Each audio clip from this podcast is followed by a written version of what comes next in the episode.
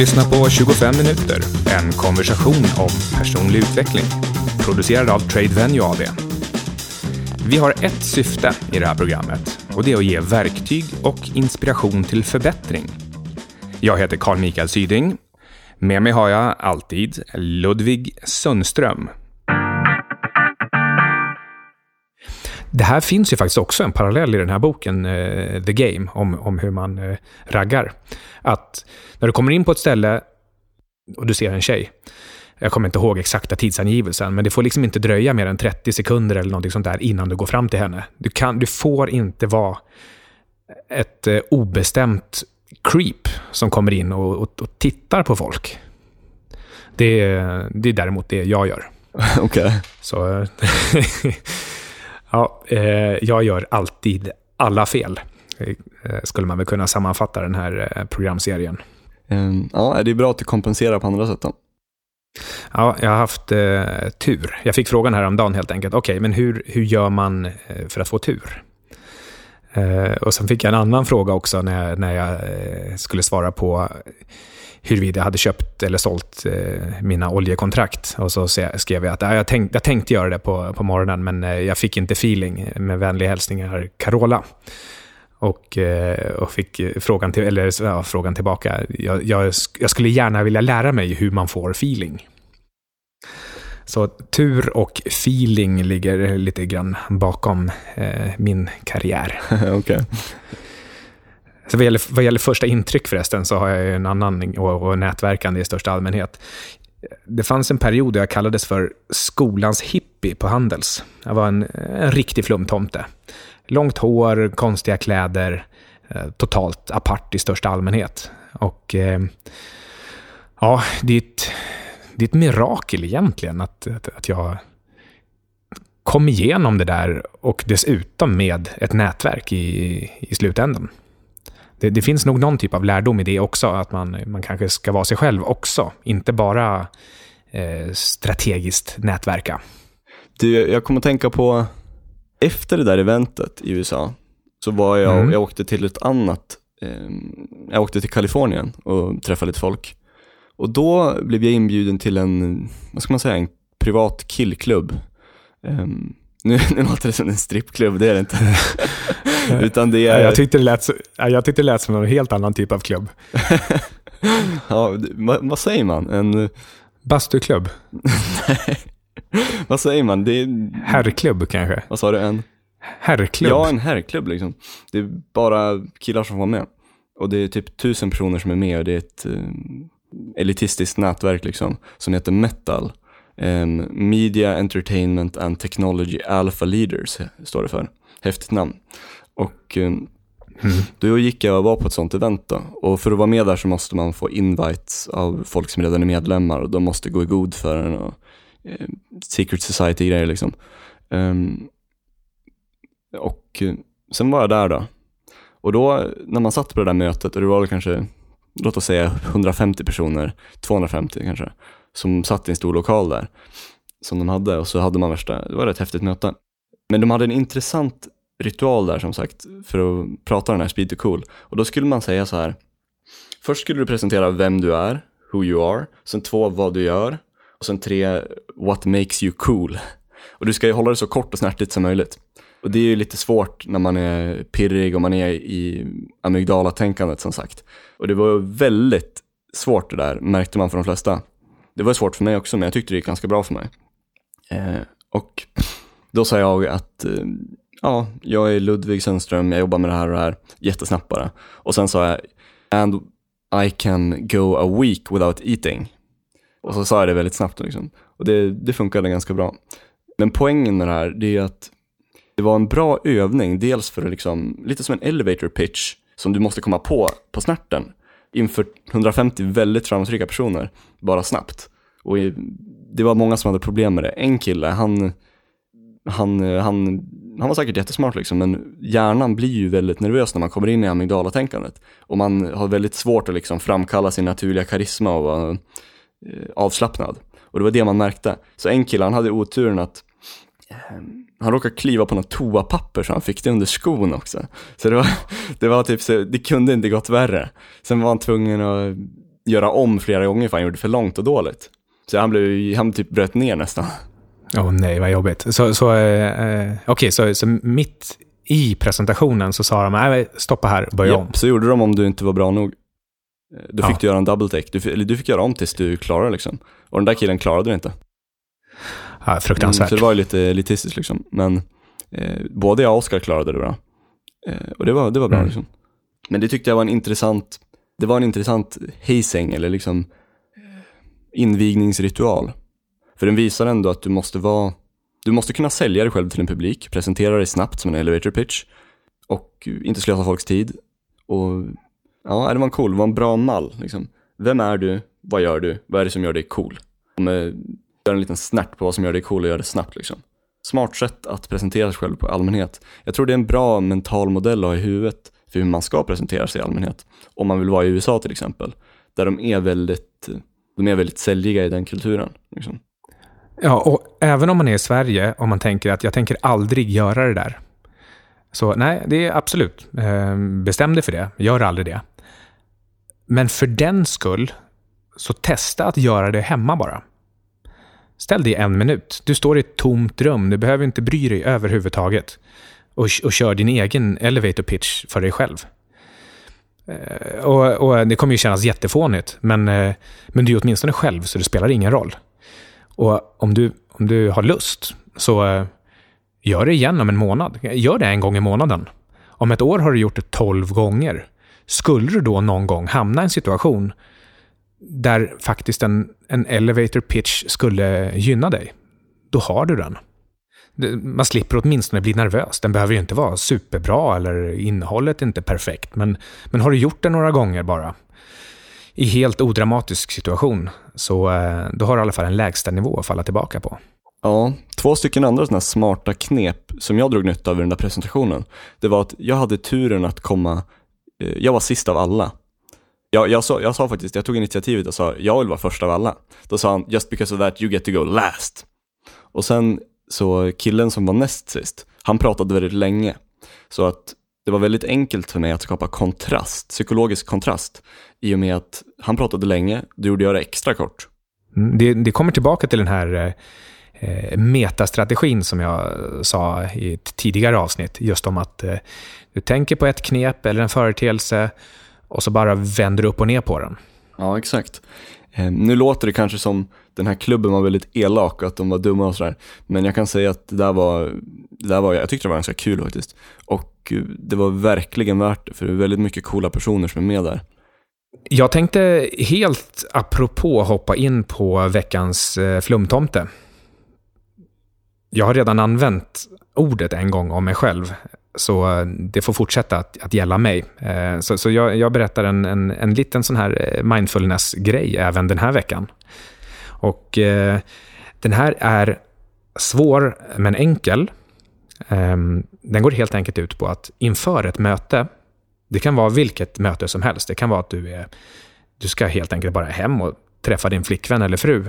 Eller så ska du på ett viktigt möte med en, ja det är väl viktigt det också, men kanske med en, en kund eller en chef eller någonting liknande. I vilket fall som helst. Ta en minut helt i tystnad och tänk bara tänk på att du ska möta den här personen och hur du ska ge den personen utrymme och dig själv utrymme och att, att det här mötet ska Um, ja, det gillar jag. Det, ska smart. helt enkelt komma till det, det mål du vill. Det handlar inte om att, att du önskar någonting av universum, utan det handlar mer om att du bara ska stoppa upp och vara tyst och stilla och tänka på att ja, men den här personen ska få ordentligt utrymme i konversationen. Eh, det här är lite som Johnny Drama-vrålet. Du kan kombinera de här två. Eh, gör den här först, så att du, att du hamnar i ett neutralt tillstånd. Och sen strax innan själva mötet så lägger du av ett eh, Johnny Drama-vrål. Så har du en, en bra kombination. Ska vi snacka lite om mer kort men specifikt ändå om häftiga sätt att göra först, bra första intryck och lite hur det funkar, hur andra personer har gjort det? det är ju oerhört viktigt att göra, veta hur man ska göra första, bra första intryck och sista intryck liksom i allmänhet. Och nästan alla väldigt framgångsrika personer har någorlunda bra koll på det. och trixar med sånt där liksom.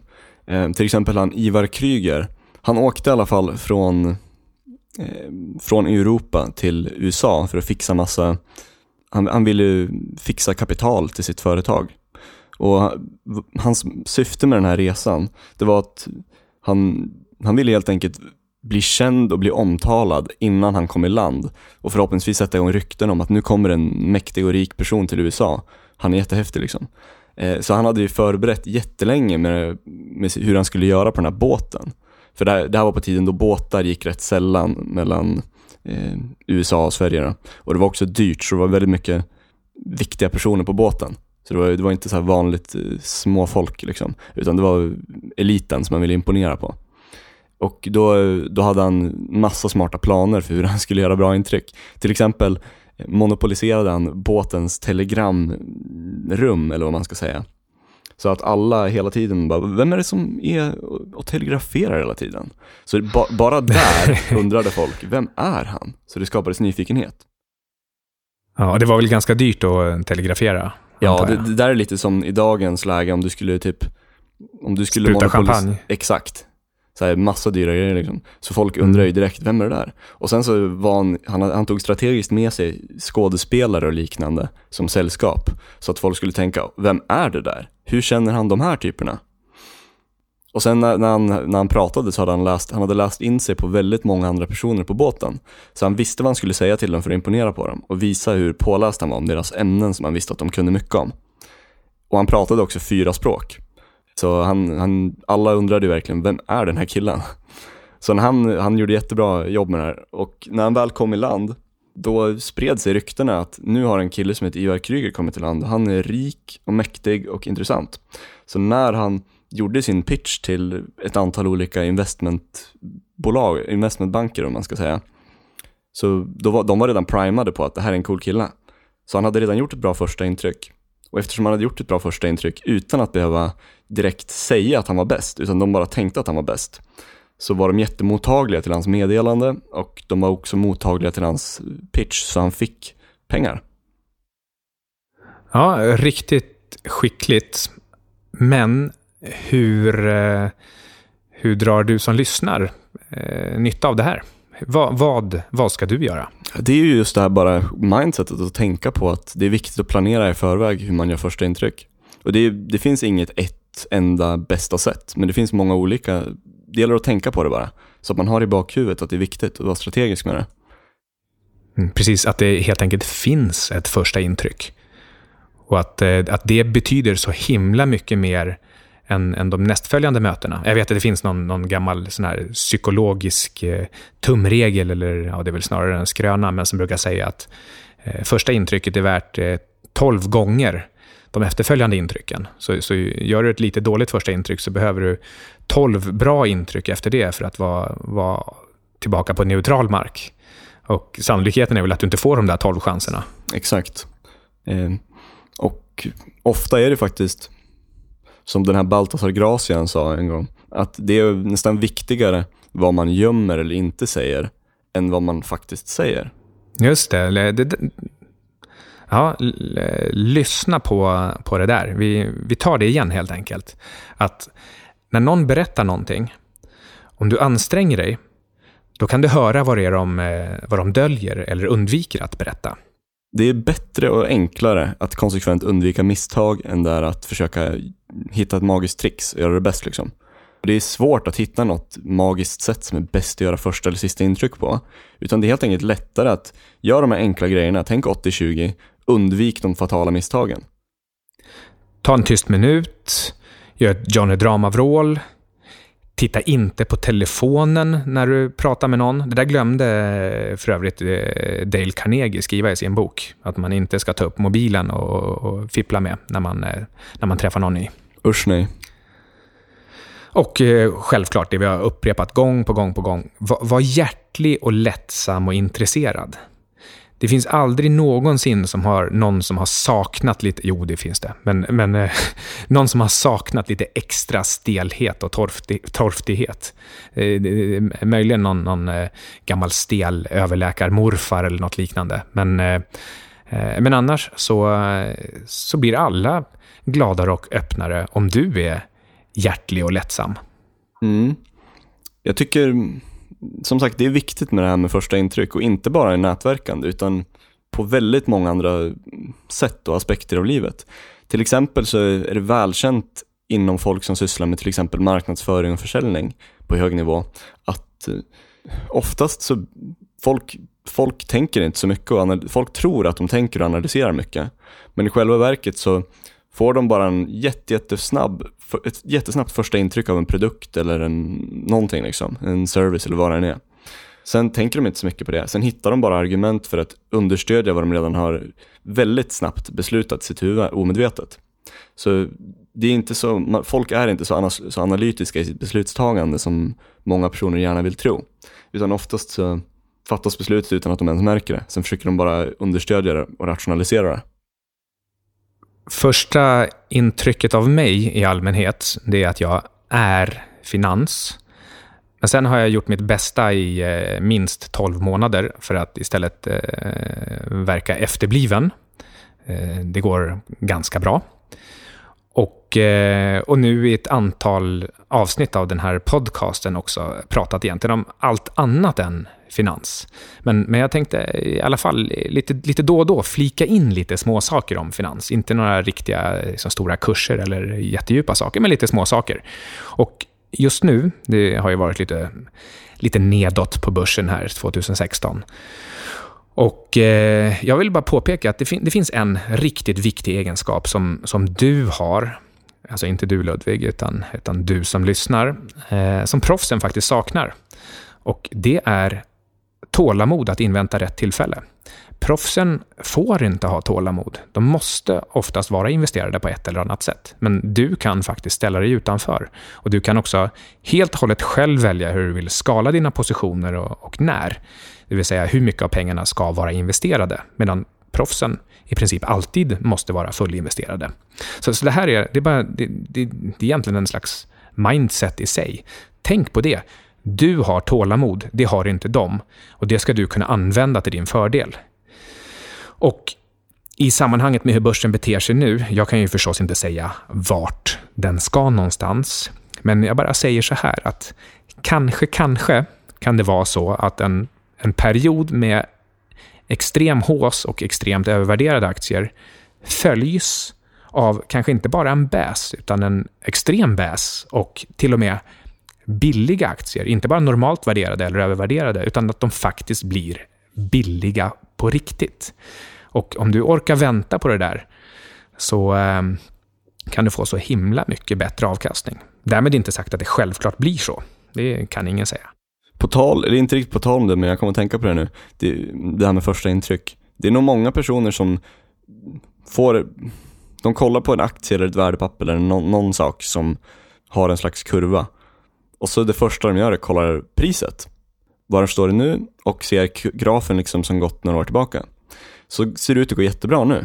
Då är första intrycket bara att det kommer gå bra. För att det ser jag på bilden. Sen försöker de bara hitta sätt att se, men det kommer gå bra, det kommer gå bra. Liksom. Mm. Ja, leta stödjande information. Man börjar med en bias och sen så förstärker man den med en, med en annan psykologisk mm. bias. Eh, och att göra det med sina finanser. Som, som någon uttryckte häromdagen, att eh, Eh, ja, inte häromdagen, egentligen är det ett hundra år gammalt citat. Men, ja, det var som, ju ganska stor skillnad. ja, som, ja, jag, ibland är jag lite, lite långsiktig, har riktigt stora perspektiv. Men det är helt enkelt, eh, gör gällande att eh, folk lägger kortare tid på att investera hela eller halva sin förmögenhet och riskera den på någonting de inte känner till, än tiden de lägger på att, att köpa bara en genomsnittlig bil. Ja, det är, det är bra exempel.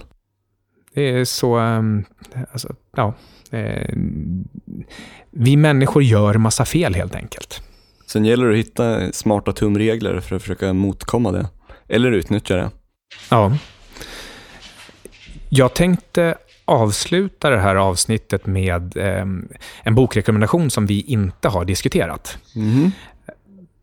Jag tänkte inte göra någon, någon, större recension av den, det kanske vi gör i nästa avsnitt. Det är, det är nästan en anti-nätverksbok.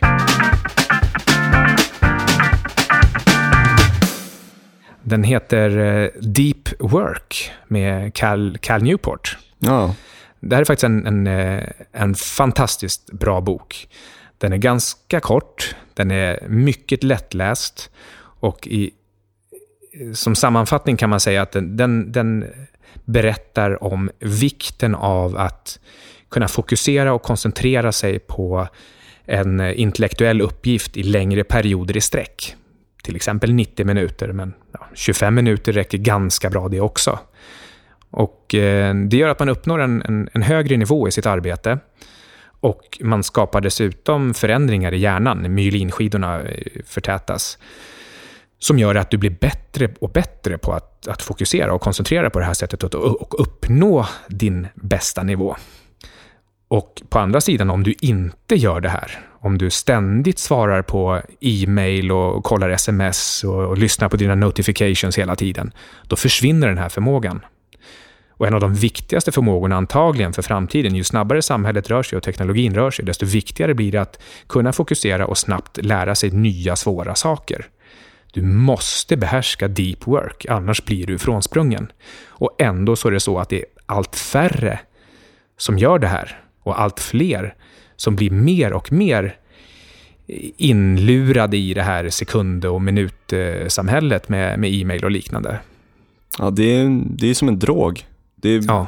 det är precis vad det är. Så äh, läs Deep Work, eller möjligen min äh, robotartikel som jag skrev äh, för några dagar sedan. Som bland annat pratar om Deep Work. Oj, den får jag tala alltså? Ja, den är ja, ganska lång. Skulle du våga säga att det är den bästa du skrivit än så länge? Ja, absolut. Ja, då måste jag läsa den. Om man, ett jättebra exempel där det är väldigt mäktigt med det här med första intryck och psykologi, det är fighting, alltså professionell fighting. Till exempel Mike Tyson, som i min åsikt är den bästa boxaren genom tiderna. Han var en mästare på det här med att manipulera motståndaren och skrämma skiten ur den verkligen. Så han vann, han vann majoriteten av sina matcher innan han ens gick in i ringen. För att han, hans fiende var rädd, riktigt rädd, livrädd för honom innan, han ens, innan de ens började slåss. Det, det är lite samma sak där.